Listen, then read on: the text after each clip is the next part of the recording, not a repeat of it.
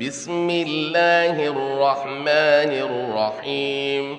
هل أتاك حديث الغاشية؟ وجوه يومئذ خاشعة. عاملة ناصبة. تصلى نارا حامية. تسقى من عين آنية. ليس لهم طعام إلا من ضريع.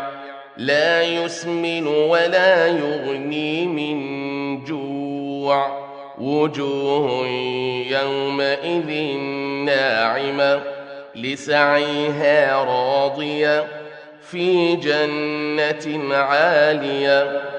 لا تسمع فيها لاغية. فيها عين جارية فيها سرر مرفوعة وأكواب موضوعة ونمارق مصفوفة وزرابي مبثوثة. أفلا ينظرون إلى الإبل كيف خلقت وإلى السماء